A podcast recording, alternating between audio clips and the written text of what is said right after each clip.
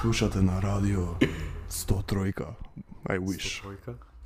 Треба да ми објасни за 100 тројка. Што ти го Што е фората со 100 тројка, зашто се- зашто тука е фадиш? 103? Да. Па пошто е најбоја радиостаница. Е. Да спонзор нас 103. Give me merchandise, give me money. Брат, не си слушал 103 Не озбор? брат, ја само 100.8 слушав. Ти Дино, ја знаеш 103 како станица? Не слушам радио, не возам кола, немам возачка, не правам постер за собраќање. Немам социјални мрежи, немам лична карта, немам пасош, имам изимиев 7 пасоши. Бегалец. Небе 103 си е радио такво за алтернативна музика, не знам, рок, рап, whatever. Многу од стварите што ги знам ги дознав од таму освари. Чекај првин, првин. Ah, Се представиме, плюс гости Да. на чугаме. today I am your host, Bluebird with a cigarette. My co-host, Petar. Алкохолик ракун, јас. Welcome. And our guest today, Ино. кажи бе не, А джанки. Джанк. Супер, имаме све. Crippling smoker, имаме алкохолик и на джанки. Да, хиен- хиена Супер Джанк. комбинација, ја мислам. Да, Се по нешто. Ова е многу гето снимање. Зашто ги тоа снимање? Не, м- многу ми е чудно пошто сум навикнат ми микрофон на микрофон. А, И сега онака како гето изолирани у стан, имаме луѓе собрано, си А, чиламе, Да, да, плюс да, да. Онака поеќе, тоест поеќе луѓе на еден микрофон, type of deal. м, Хаос. Хаос, ама интересно. Зато викам Ама како гето проај. на homegrown. Па затоа ни треба 103 како спонзор. Или С- Скопско. Пиеме Скопско моментално. Знае колку луѓе напизди сега што пијат даб. Да, 100%. Пола од, од, од што не слушаат, 20 души пијат дап. Мислам дека така никаде не запознаа на некој што пија камник. Не, Ама онака unironically седне и рече брат камник сакам. И ви краде Марко. Не, ја- еден единото единото што го имам видено за онака докшит избор, објективно докшит, Аха. е луѓе што пушеа 57 уседно. Да, ама тоа ти бе најефтините, бајде. Тие бе најфти. Човек, тоа беше кутија за 45 дена. Да, 50 мица Вардар, баш вчера го правевме мојата. 50 мица Вардар, е, код тие, како се вика, 19-ка, Име ни текно. родел меко. Родел ми. Беше окей. Мислам. И дава на парче кај мене за 5 динари. Така, да, Никад не го фатив тој дел. не, не, не сте зимали на парче? Никад не сум не. земал на парче. Онака директива кутија, као зашо би земал на парче цигари, као. Не знам ти се пуши една цигара, да имаш една цигара. И ми се пуши на цигара, кутија на ден пушев од почеток. Ти од почеток, значи, чейн смокаш се Да, да, цело време чейн смокав. Затоа се откажав, затоа сега сум Да, на ова. со... играчка. Ја- А технички без прекини ја користам. Па. Онака Да, да. Значи уште си константно. чейнсмокер. Тех, да, технички сега уште поеќе сум чейн смокер, пошто немам ни даунтайм веќе. Као единото имам да не да не ја преграм ова како цело А. време да во влекам, да можев онака cook me up тука и како и да е. Зашо ги збориме денес? Денес темата. А, Дино. Е, хайперпоп! Ајде за за смртници објасни што точно е од прилика, од прилика што е хайперпоп и што Е, онака како краток Вака, интро. Така. Прво да се разбереме, хайперпоп се уште не постои како жанр, ама е стил на поп музика комбинирана со електроника, сенс, бас, доведено до некој, не знам, екстремизам, максимализам, не знам, а, каде што басот ако има бас е премногу јак како а the lyrics би биле оби- тоест текстот а, обично е сили на повеќето. Hyperpop songs. Се вика мислиш онака трескање глупости и Ја, да, да. Или иронија некоја да. Гледам само што сум ви пратил. Да, ја тоа сакам се да отворам. Ја. Ќе да. видам. Не, дефинитивно може повеќе да ви пратам. Па можеш, ама треба, ке требаше да се спремаме две недели онак. Е, шо? Не, па, добро ќе ви праќам само песни, не знам, не цели албуми. Не бе окей како албум, не знам, покао концепт поинтересно спаѓа. Да, не, ама ја, например, ги слушав првите три, вчера ги слушав еднаш, колку да ги слушнам и денес пак колку да запишам нешто. И многу, мислам, а, многу е едно по друго, ако не можам. Например, не, не ја осеќам Да бе, кој ти треба автентично не ја простор. слушам музиката. Да, Да, ја слушам колку да. да ја имам преслушана само. Да, ти треба простор са, не 100 албума од еднаш да, Да. да слушаш и Виш као, this is some great shit. И после се си поминаш ми вика, а бе си пушти в 100 Gex да ги чуем онака. Да, па А да... намерно не ви ги пратив, као они се хайперпоп, ама намерно не. Они, она е онака, како да кажам, со лепенка хайперпоп може да ги ставиш како Дали не Тоа е ти се свига? Или? Да. Па, Не? не? не, добро, некои песни да и production wise, бла бла, ама не можам, тумач ми е тоа да го слушам. Да е Overload, тумач, overload, е, е, Да. Не можам да замислам некој Ало. да седне и нака да рече, е, кај чуем цел албум на 100 Gex. Нема Ако шанс. Четвртот чет- Постојат крак. луѓе, Не, ги имат, ја, ама не, не, Постојат. не сваќам, не сваќам. постојат. Ја го пуштив преска ремикс албумот и има песна со со Чарли Да. XCX и со Киро Киро Бонито. А, рингтон Окей, беше... Рингтон, да. Ја. My boy's got his own ringtone. It's the only one I know. It's the only one I KKB, AAC, your ringtone could be anything. Добра е песна. Е, таа песна ми се свија. Да, Да, да. ми се свија. Ама тај и тај е ремикс песна Тоа нека Така, е е ремикс, да. Ама и оригиналот, окей. А што сега сега за тоа за Киро, ги знаеш Киро Киро Бонито? Да, и пла- планирав и нив да ти ги пратам. Дали и они спаѓаат од тоа или не? Па, Што не се со таа поп јадна. попи само, не за толку хайпер. Копењето има по Да, ама пак, не знам, начинот на како ги пее песните, не знам. Нека се nonsensical weird се кој што спомна. Да, па тоа, зашо хайперпоп нели пак не е жанр и има многу ка повеќе хибриди на хайперпоп, така да ова што ви го пратив е само, не знам, а, а писовет. Зашо има, на пример, Рина Савајама, она има повеќе рок е, инфлуенс, као, не знам, видов на една Stereo песна Wise. имаше гитара ептено. М, Да, да, да. Така да има многу не знам. Има и рап исто така, mm. не е само поп, ама И ја, повеќе само како взимање популарните, како да кажам, на времето популарните песни или- или стереотипи или такви ствари само до како што ви кажеш до максимум да ги рокнат, без разлика дали е поп, дали е рап, дали е рок и Да, такви да, ствари. па basically ја. Пошто јас го не, рандом што имам. Дали читано, дали гледано видео околу Hyperpop кој истражував, беше као иронична представка, барем за еден аспект на Hyperpop, иронична представка на поп индустријата. Во смисла, како што ти рече, нонсенсикал се лириката, басот е до максимум, вокалите се со ефекти до даска ставени, Да. да. за да не можеш ни да ги препознаеш веќе што зборат и толку пискави се напорни. И плюс, е, мюзик видеата и свето се hypersexualized. Ама нака Да, да, да. непри, непријатно сексу, е, сексуализа. Немам видено видео. Само Се дека Софи имаше едно такво? Па, Мислам со со hypersexualized? Hypersexualized кај со типки што денсаат као на бина нешто така и можда беше тоа. А, Иджи Они бој Коп. ако не, ама не беше hypersexualized, не знам, не беа голи или whatever.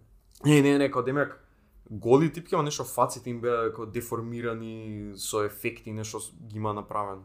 Па тоа не, тоа беше како 3D фигура од тоа, тоа ја го илустрирав устари. Мгм. Mm? скриншот од тоа.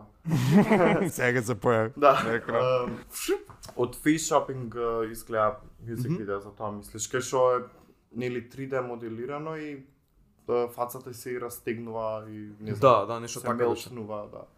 Па не тоа се да кажам стигање до uncomfortable мом- момент Да, што добро, као да. Демек стандард по песна треба да биде типката у јако одело или нешто скимпи, Ја, yeah, ден се збори ја, yeah, за ја. ебење, за колку е јака пичка ово ни ово, ти доаѓа Софи, која кој што викаш Абе- face stretching, ан, како да кажам, Не, hyperpop е дефинитивно може да биде као absurd или не знам, ама и дефинитивно некои песни или кога ќе ќе го прочиташ текстот изгледа како мимик као макинг поп музика или mm Мгм. -hmm. такви работи, ама пак тоа се артисти што не верувам дека толку сати би би, би потрошиле на да прават музика за да За е панци мимикинг одамот. или mocking да с- Мм. somebody.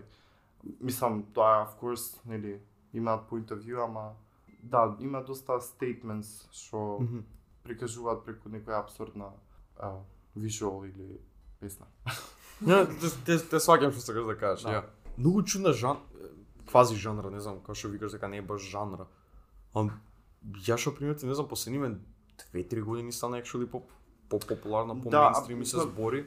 Од ја мислам дека почнам као од 2014 така нешто mm -hmm. да да почнам, ама веќе сега in the age of TikTok 2020 ја мислам дека е 10x полна као луѓе Ја. кои имаат по а, аш никој исто така она она hyperpop има по 100 милиони а, стримс на Spotify. Ја бев као What the fuck? seriously, ама да, ептен пре- мислам дека TikTok е to blame for this. да може би overexposure на hyperpop и ама пак пак е подобро од овој стандан, стандарден поп што го имаме со балади и ја, ја, не знам. Бала... Мене ме зачуди она врум врум на Чарли дека 2016. Да, Тоа е како what? да.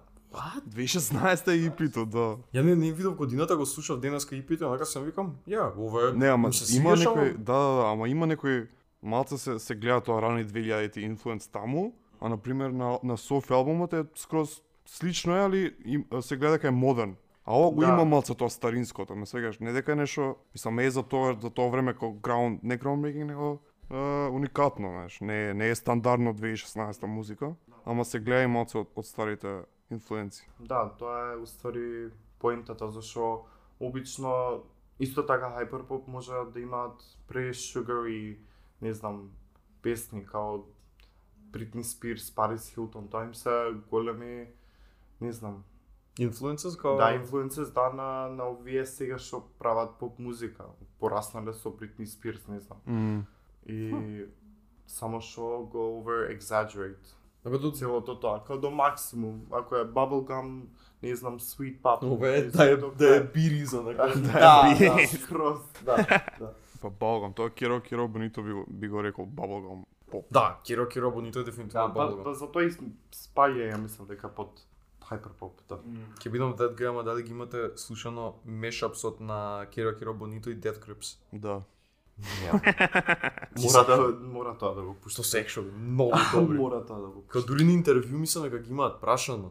Не знам да Death Grips да ги не и Киро Киро Бонито, да Киро Киро Бонито ги праша како абе дали знаете дека прават многу луѓе мешап со вашите песни со Death Grips Мгм. и како дали некад би прави би правеле колаб. И онда Да ги- Некој гитаристо мислам дека Киро Киро Бонито ствари бил фанатик на Death Grips и вика како да многу ме радува дека не мешаат како мешап прават. И како имаме контактирано неме нешто, ама сакаме да правиме колеб со нив. Ја најголем мешав што имам слушано не е со Керо, него е со оној нај нај најпрвиот таков vaporwave албум. Нај она vaporwave кој ќе кажам, шуга ти текна она со статуа А, со статујата, лере фак, аз се викаше за албумот. не А, знам. многу- Не, знам. Те, знам за кој избори, знам на кој. да, писна за е заборев и како се вика еват. Нема врска ќе ја пуштиме сеа. Post production.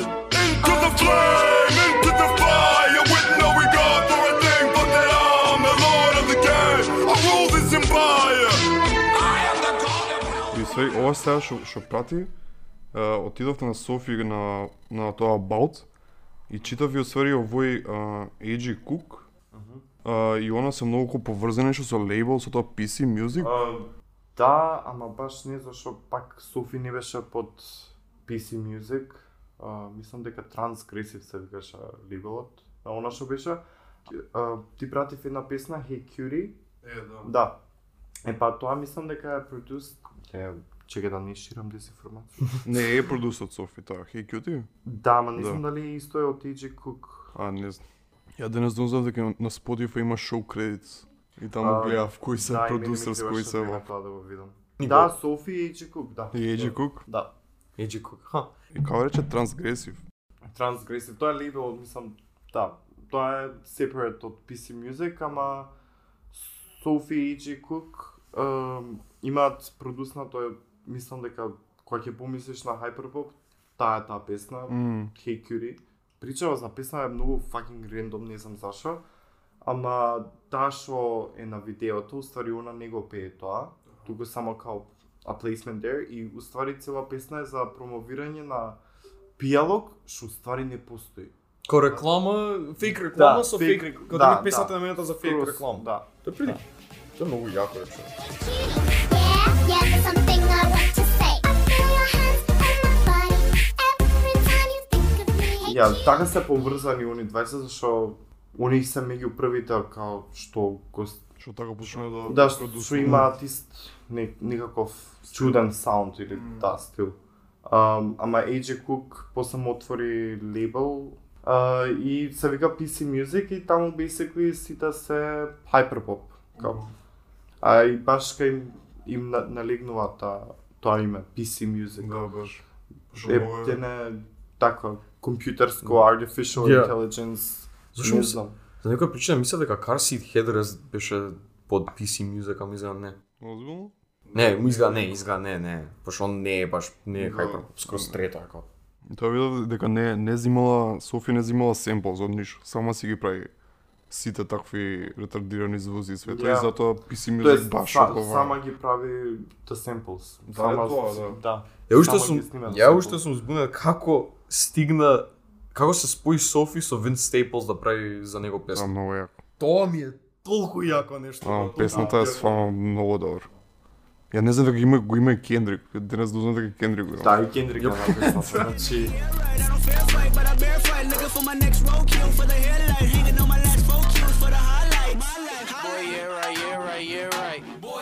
колку има исто и за Мадона правена песна? What?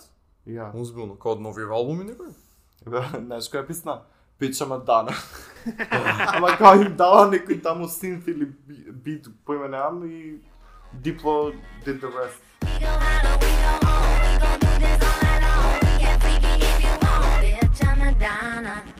Ама исто така чудна комбинација е Арка и Kanye West. Е тоа да, тоа да. What? Да, Што Арка продуснал за Кан- за Кања да, или цел, обратно? цел албум, буквално. Аха. А. Че кој од нови? Jesus. Jesus, Jesus. Jesus, it That goes... makes so much sense. Па да, it goes so fucking hard, да. Да, да, кој сам секој пат кога го слушав албумот, кога Jesus го имам баш и кој искочи го пратев, го слушав албумот кога почеток до крај. Исто и со Vince Staples кој искочи во а, Big Fish 4 Да. и после Софија пушти пред година две прв пат и нека се сум као мис- и општо Hyperpop и тој стил на, на музика сум као wait a fucking minute, зашто ви ми ова познато? Да. Од каде ова ми е толку познато и ствари Да. ете. Ова за Изис не знаев навистина, кога за Вин Стейплс кога открив кога Соф- Софи го праша бев као holy shit. That kind of Не makes знаев, sense. да. What? Да. А дали Софија меѓу меѓу првите или не? А, Кона- па, Кона го дека пионирнала или- 2013 Од тогаш прави музика? Не, пред тоа имаше бенд или така нешто, ама од 2013 почна да се не знам, да релиснува под Софи името. Аха. Ти мислам дека имаш на плейлиста Бип од Софи. Да, мислам дека имам да. Е па таа таа е уствари е прва релисната од јуни 2013. О, вау. Damn. Ама тоа под нејзино име. Пред тоа кога продуснувала А, Траки не, за други Не или- продуснувала, туку имала свој бенд, ама there's Аха. nothing као онлайн да ви, да можеш да видиш нешто. Значи Аха. нешто лайв само настапи правила. и Па тоа- да, I guess. MySpace Music. Не, MySpace. Ја. I can make you feel better. Whatever you're thinking. I can make Не, не ми се свига толку конкретно кој самото жанра хайперпоп, него кој инфлуенсот на други што што спредно, на пример Винц, JPEG исто кој Да, да, да. да. знаеш, рапот измешано со тој продакшн стил, тој кранчи таков PC, знаеш, тие семплови, Injury Reserve исто, I mean, па добро и Death Grips исто да и... Hey Dev Grips. Еве, тоа со, не знам, ја, ја обратно од тебе. Као ти сакаш, како да кажам, хайперпоп инфлуенсот на Да, другите, да. на други жанри и на други артисти, а мене па ми се свиѓа баш хайперпоп као хайперпоп Аха, аха. индивидуално. Пошто ја ги открив хайперпоп баш преку ефектите, специфичните стилови на звуци што ги прават као на другите артисти, ама приметив дека повеќе гравитирам кон А, кон Actual hype, самата, да, до самата музика. самите артисти. Пошто и реално од целиот Big Fish 4 албум као и е right, што кај што Да. Софи има проду... Има и продуцент. уште една од истиот албум. Мислам дека. Уште една? You're right. И само. Само. Да. Same old thing. Watch me do the same old thing. If I wrote you as a love song, could I make it bang? If I pull Back up from the Peace Break и све друго што се Да. деде. Back from the The Hurricane. piss break, the cigarette break, the... Да, Just да, a е, break, други да, брат, да. е, Break. Океј, зборевме за... За Зейтин. А, не. На, кат, кат, кат, да не се знае за Зейтинот. Не, Не, па као- мораме и нив да и- да им кажеме за Зейтин. Им продадеме. Океј, а, моментот беше како со спонзори на TikTok. Као у Маке... Македонија, као спонзори се Аргета. И дека имало наградни игри, што мене скроз ме Баравме зачуди. ние фактички спонзорни, или? Зашо што сакавме спонзор? Скопско. Стоби Флипс. Стови флипс. Ти викам ако имавме камера упалена ќе седев на Стоби Флипс, а кој Да, капчи да, ќе да. зборе за Да. прекрасните вкусови на Стоби Флипс. Ние ще да звучи чвакаше цело. На Андреј плаче нешто. ASMR, Цел, ASMR, цел да. подкаст. А дека Да, да, да. се се вади емотивно скроз нешто травматичен момент него ќе само Јака прича брат. Си го пробал новиот пица вкус? Нека. Тоа е actually hyperpop. actually hyperpop. Да. Дирај лайв. Реално, реално, на ова песна изгуби десна. Океј, ајде, ајде почнеме по Не, албуми да свам, спориме ај, свам, малце. ај, свам. Дино ни прати 20.000 албуми. А, Четири лаже, албуми, само четири. пратив 4 од кои Само? што- Па, Ние имаме мунчиња со по еден албум на епизода сме како. Ај па Не, а тука Ја зборуваме да за знаам жанр. вака дека Да. ќе биде. Не, не, ќе не. мислев поише за албум ја и- зашо ви пишав, као ви ги пишав албумите и ви пишав за се овие за албуми за се. За сега, да, е. Да. Вие само три албуми од 400 ги слушав. И ти пише нешто како Што едниот не беше ни албум. А, I got a confession to make. Не ги слушаш. Не, не, не. Ги слушав. а, Можеш. Кажи, Третиот не може да го изслушам. тритот беше панк од Ка- Карлон Не може, Плочек. не може. Океј, океј. Као су- стигнав до третата песна и буквално бев како не. Океј. I just can't. Не, па, добро, тој албум не беше ни толку хайперпоп, колку ше арт поп, I guess. Да, тој пушеваше Да, Затоа така, мислам дека- constrained, Мислам дека така, имам тешка laid back. верзија официјално на Art Pop. Пошто како Spelling албумот на него од Anthony Fantano, што го фалеше толку Е, па го тоа е пушти. арт поп. Да, еднака слушам Кейт Кейт Буш е арт поп. Е, еднака го слушам на Spelling албум сум како сакам си ги бушам ушите. Како не можам, како не можам. Он му даде десетка? Да, он ќе му на даде тој? десетка. Ја. Ја него Ама ти пушево реков немам second слушано. half требаше да го слушаш. Не, збореше за тоа, пробав, ама just can't.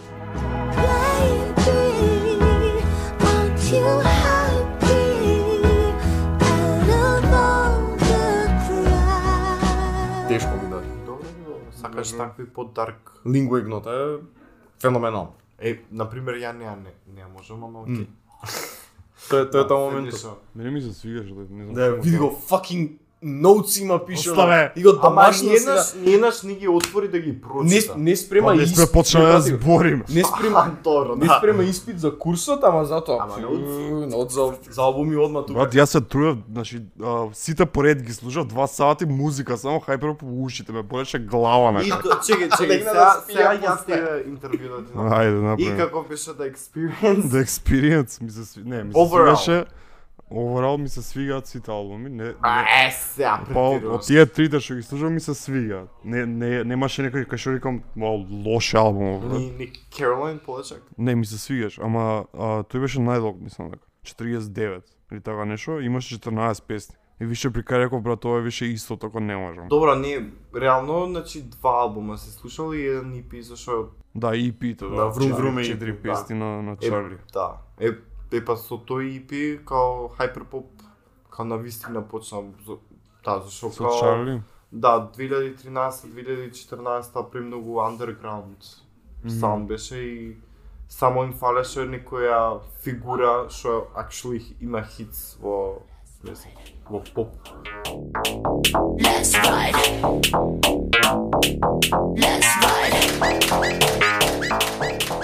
Не ми се свигаше, мислам дека највише Чарли.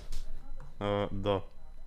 Чарли ми з- а, Зошто? и пит. Зошто? Па не знам ми се свига продакшн на Софија, ма гласот не ми се свига на на езиниот албум. Ама ама на низиниот албум на Суфи не не е низин глас. Не, не пее оно, тој сакал да те Не, прашам. пее она, уствари на пони бој пее, ама на Face Shopping, например, она не пее. Пошто гледав у кредит со- све све само не ја пишува, не пишува некој друг. Да, не, не пишува. Кам...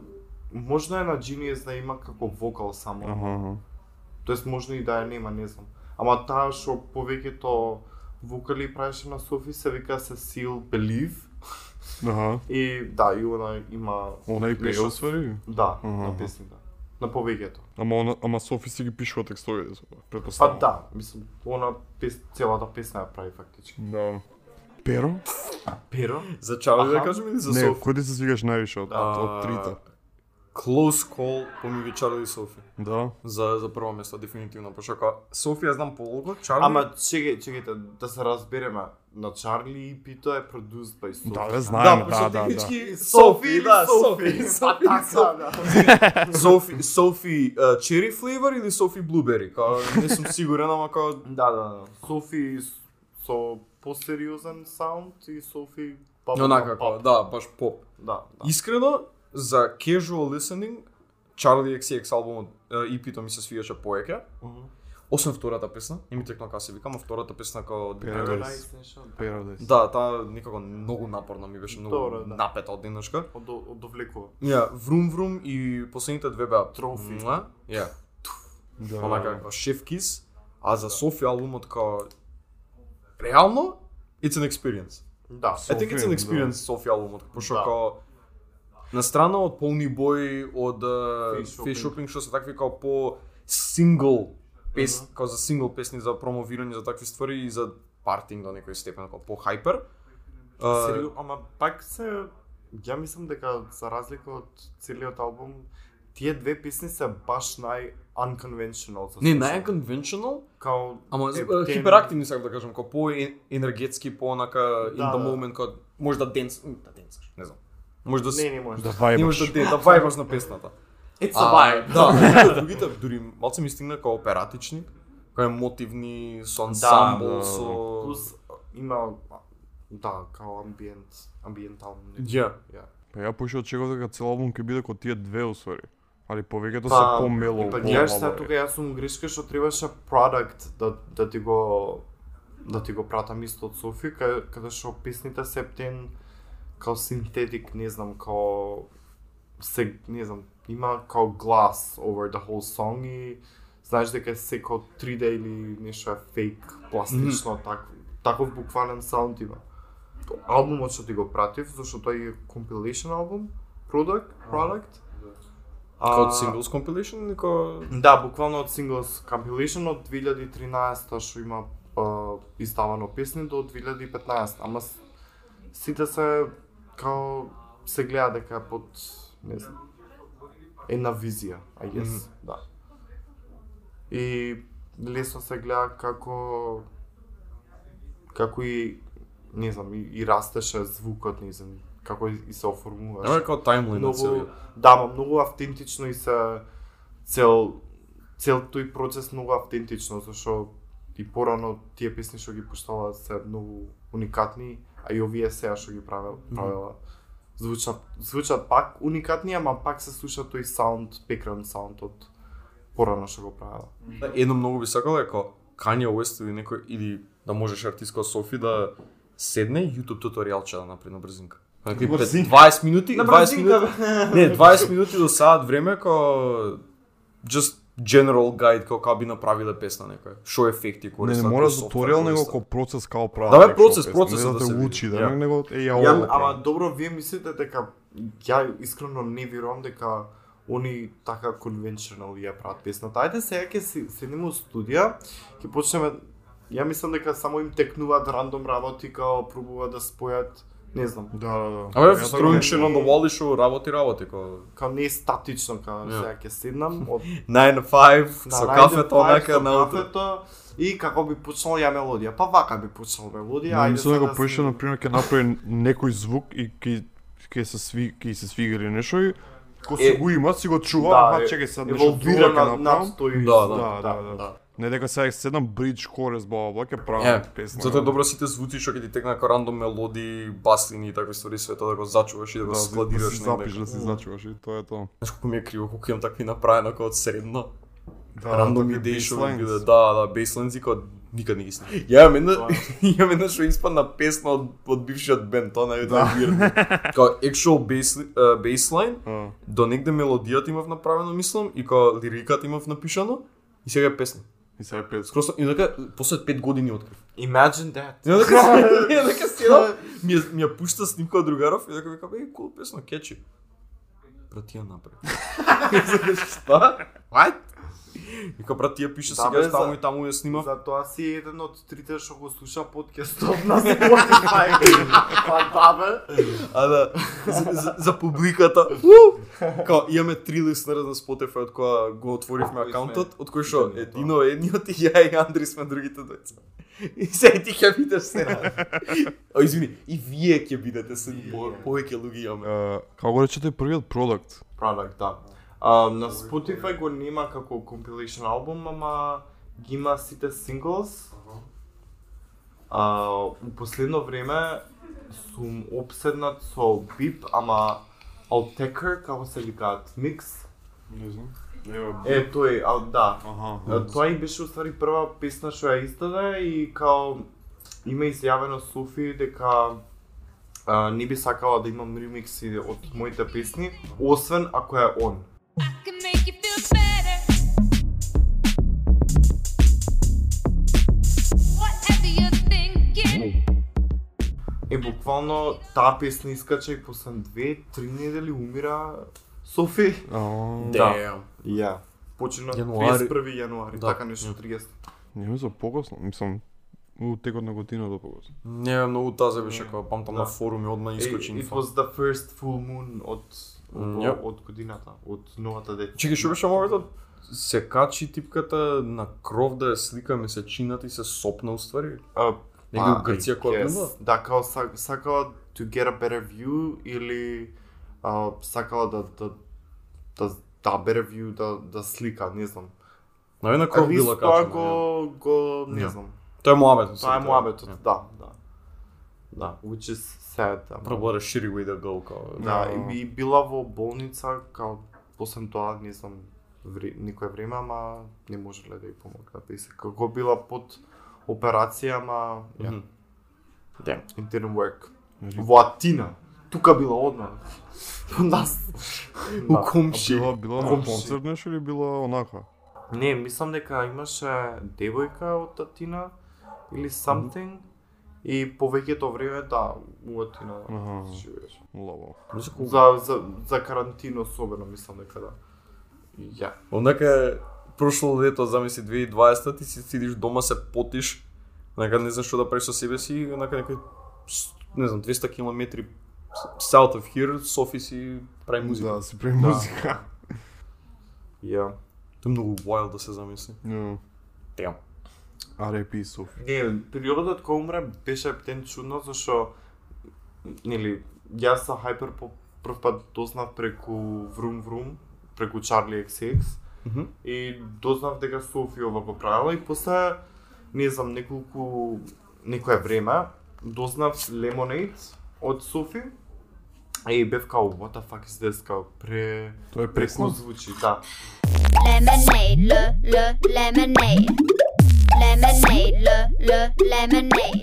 Нели јас следев и по- после во 2017 почна некој сингл синглс да давал It's Okay to Cry Мм. и тогаш и she came out as uh, trans со тоа видео и да после нели извади албум 2018 и ми беше топ 3 албуми таа година, не знам што имаше од 2018 actually зашо не ми била прва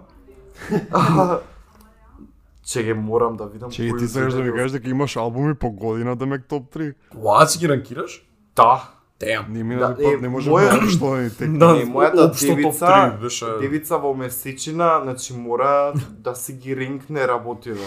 Што сака, што не ќе. Да, US Girls и на поем Unlimited ми беше фейв, мислам дека таа година. И да бев као доста обседнат со албумов, значи и при тоа и со други хайперпоп артист, што е сега најчудно дека од преслушување на албумов во 2018, бога ми 2009, не, добро, дел од 2019 ја немав, не ми текнало да ја слушам, нема, не знам, не ми текнало воопшто, као, I've already listened to it, као, преслушано ми е. И две-три недели пред да почине, а, почнав пак да да имам таа фулон као обсесија со Софи, да ја слушам нон-стоп и само Софи да ја слушам. И баш кај тоа време и ликнува доста работи од што ги има направено. Ја бев као, this is the shit. Као, this is the shit. И ова мора у публика да искочи, зашо е преко срање, не знам. Ја и после две недели од тоа која, поч...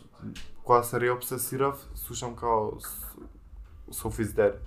Буквално не можев, не знам, да си верувам дека ја, не знам, бев многу особено бев by the timeline creeped out дека две две недели ти пред да почнеш ја пак со тебе имам преголема обсесија и само тебе те слушам и на крај ова се дешава од еднаш као Да, многу, многу weird. weird, ептен weird, да. И после тоа пак продолжив да ја слушам пет месеци straight on, само Софи. Лик работи има кон над 200 песни, 300 кои што не ги издава, а What the fuck? се лудило и буквално it sounds like the future е, и не знам. И многу ми е жал, ама барем барем дознавме дека брати зашо да брати he mixes her stuff I guess. Mm -hmm. И планира он да да релисне колекција од песни што она би мислала дека нели Само да за работи релисна, сингот ја. втор албум, да. Ум, најс. Има Добра, некој, добра некој најас. таймлайн за тоа кога би се десило тоа или не? Не знам, не знам. А тоа се све песни а, после албумов или кој измеѓу периода А, нека? им, не, а, послем албумот се има до, доста песни послем албумов што ги има направено, што тие стварно sound like something you never heard before, не знам. Mm. Не знам, They Go, Epton Heart и...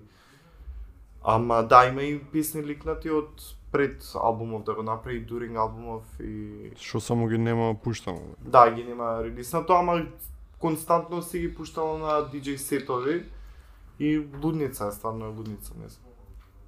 Дали, сега те прашам, дали мислиш дека баш Софи пред да почина, дека имаше траекторија да стане, како што спомна, како мейнстей во Знаеш индустријата? што, м, може би не мен, ама дефинитивно дефинитивно ќе ќе помогнеше доста за не знам, музичкава сцена во иднина да ја да ја оформи на некој начин. Наве за новата, новиот чекор да го Зашо взема. ве, веќе и тоа почна да се види, да се гледа, зашо голем а, дел од Hyperpop се е inspired by Sophie Ја. и исто така и поп песни се или не знам, и K-pop песни, значи доста е inspired од тој, не знам, некој futurism, некој па, Епа- cyber cyberpunky па- Ја, е, тој, не тој знам. момент почна како естерик. многу луѓе што од кога почна да откриват за хайперпоп и од кога почна да шира зборот на жанрата, Да. сите вика дека it's the ne- next big thing. Да. Дека во 20-тите верувам во тоа, тоа да. ќе биде, хайперпоп ќе биде. Да. М- Мислам, с- веќе почнува да е популарно, не до толкова, ама верувам дека ќе ќе биде ќе има некоја година барем во следнава деценија каде што до top 5 се сите hyperpop песни. Mm. И ама до тогаш ја мислам дека ќе биде толку overused и abused што на сите ќе им се смачи Добре, тоа исто Као така, ја, како Ја, другите жанри, како секој се што умират Ја. од да, од музика ја секој така. секој жанр си има спотлайт некое време и после тоа Нема имаш сега- пост жанр. Да, ама секој жанр си има и деценија буквално. Например, Да. 80s disco whatever punk а, 90s гранчо беше, Да. 2000s беше а, рап. кр- кринджи рап, кринджи блинг рап. Punk is not dead, guys. Тенс шо беше? У 10 Седи да трап. Трап. Па трап, ја би рекол трап, не знам. Вие шо ви Ја, гас. Кога, кога рокот ќе се врати? Рокот Нема никад. никад да се врати. It's dead. Не ќе ме рокот да се. It's gone. Спориме за електроника. А, Да, иначе албумот што го збориме од прескак, а, се вика Oil of Every Pearls and Insights. На што ти звучи тоа? Ај Не прочитај знам. го пак. Oil- Прочитај го пак. Oil of Every Pearls and Insights. Тоа Кога ме I го love- очитам брзо нешто? Па да. Што ај кажи, не знам. I love every uh, people's insights, така нешто треба да... А така треба да ако го кажеш брзо да ме. Па вајда. Oil of Every Pearls, па можна е да. Uh, Па да, It's е, kind да. of weird.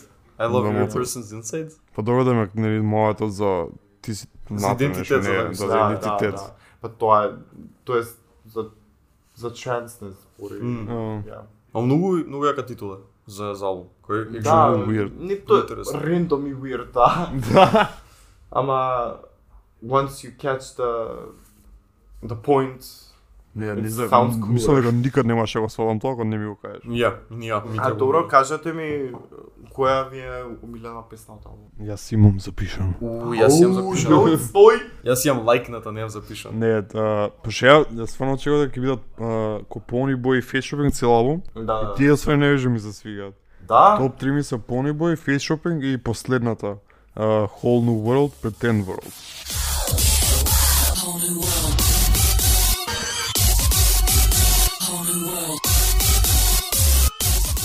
За мене а, Is it cold in the water ми е number one. Is it cool?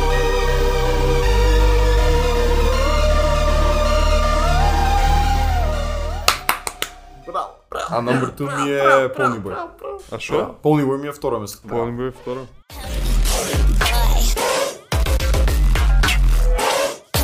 Ама и за Питер Ponyboy тоа ми е Ковидова, ново. следен пат ако прават пол, само перо да го слушате.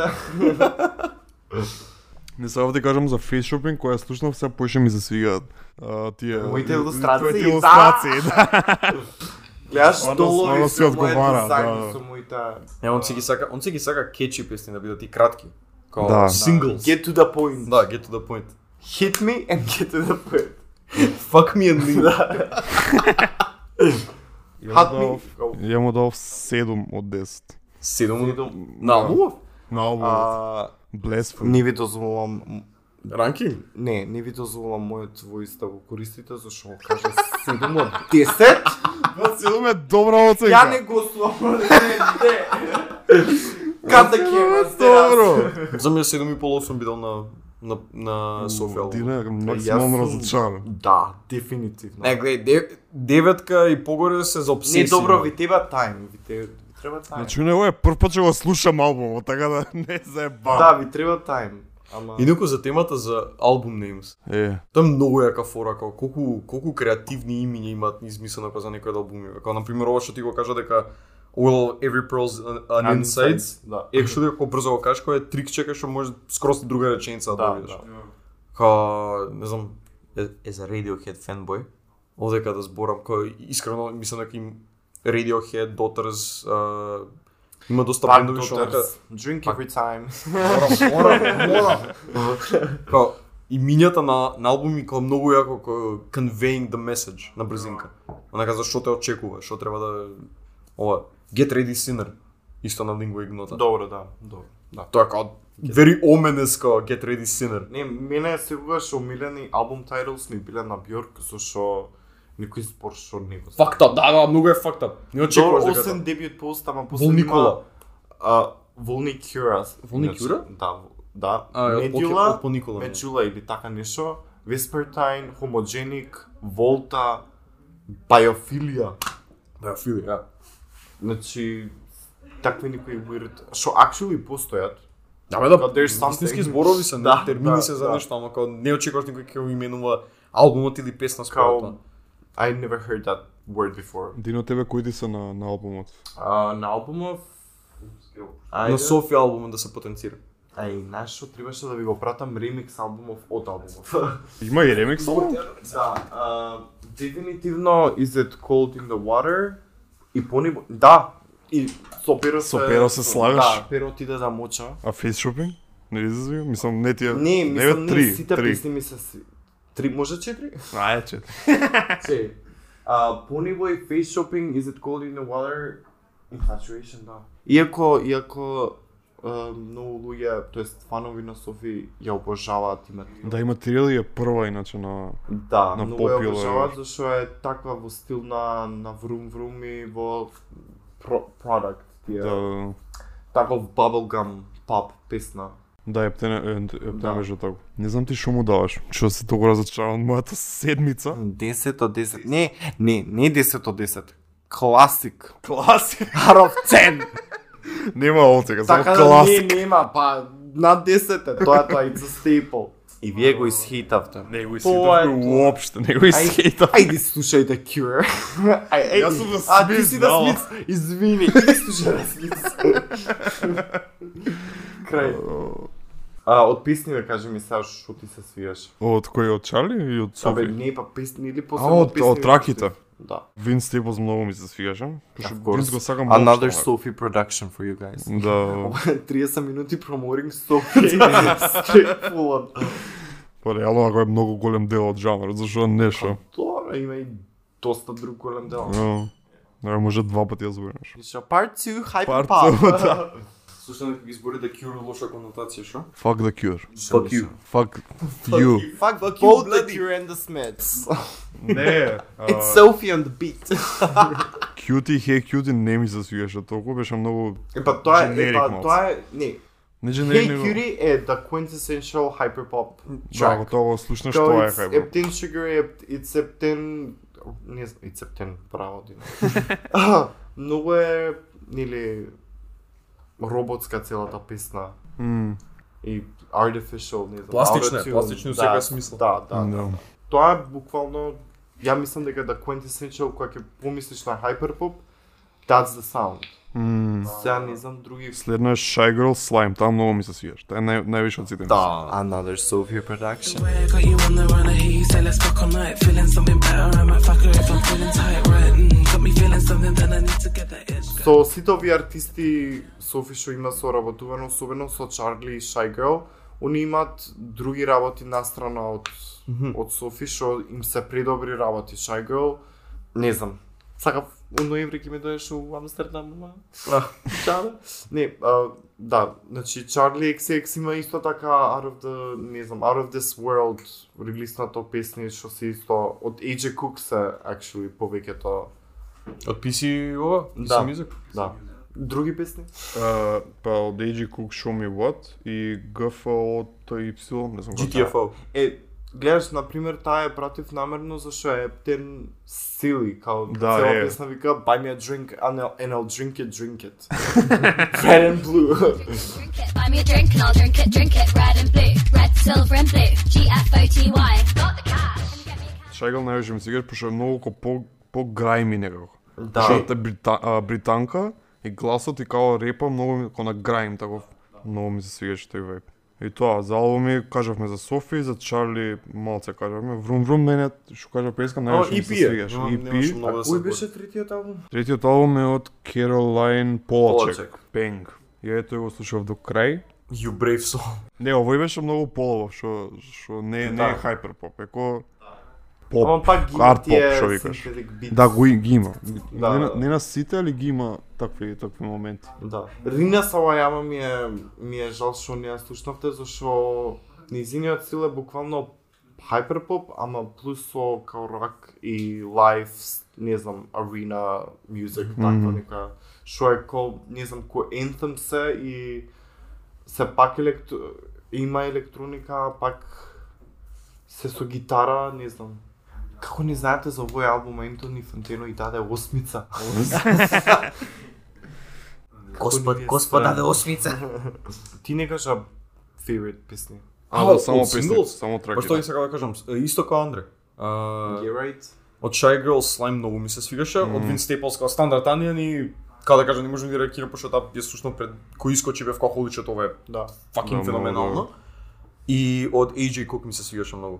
Песната а, Show Me What. Таква така е целата гличи. Да, да. I guess glitch pop. И факела малце. Да. Премногу жанри има at this point. Да, да. What is even pop? At this point. А, од овој на Caroline ми се на топ ми се Hit Me Where It Hurts, I да. Give Up и Bang. into me. Why I go into you? Why you go? Иначе секој пат кога а, слушам Spotify и ми се уклучува Spotify ра- радио, било што да слушам, било што ми се појавува So Hot You're Hurting My Feelings од Caroline Polachek. Ау да, И било па веќе таја ми нај е преку глава, зашто секој пат морам да ја скипнам. Сите имаат по 3 милиони, таа има 31. I wonder why, зашто на сите на радио ми ја упикаа на Spotify. So embarrassing, go send the photos you make and voice 'cause you're so hard. Caroline ми требаше доста време да ми биде убав албумот, ама Да. сега би дал 8, 8.5 out of 10. Е, Ти перо за Врум Врум? За Врум Врум би дал искрено осмица. Ја, исто. да, Исто осмица, исто и за Софија албумот, а, трет- а, третиот албум Пенга или како се викаше Пенг. кој? Да. Пенг. Honestly, тројка. Личи ми Лори. се допадна. Ај. Ма Лично него ми се ни допадна. дослушал Не, до него ни крај. дослушал, него ни дослушал. Ја на овој на Caroline му дав 6 пошто полното ми се свигаше од Софија, на Со- на Софија дав 7. А чекај, врум врум колку да? На 8. Тој највеќе ми се свигаше. Пошто најмногу ми го вара пењето Да на бе, Чарли. најмат it took the less the least time да го слушаш. Ова си да песни се добри песни, што го се четири. да. Океј. Парк шема епизода 4. Ај чао. Наш гост Дино.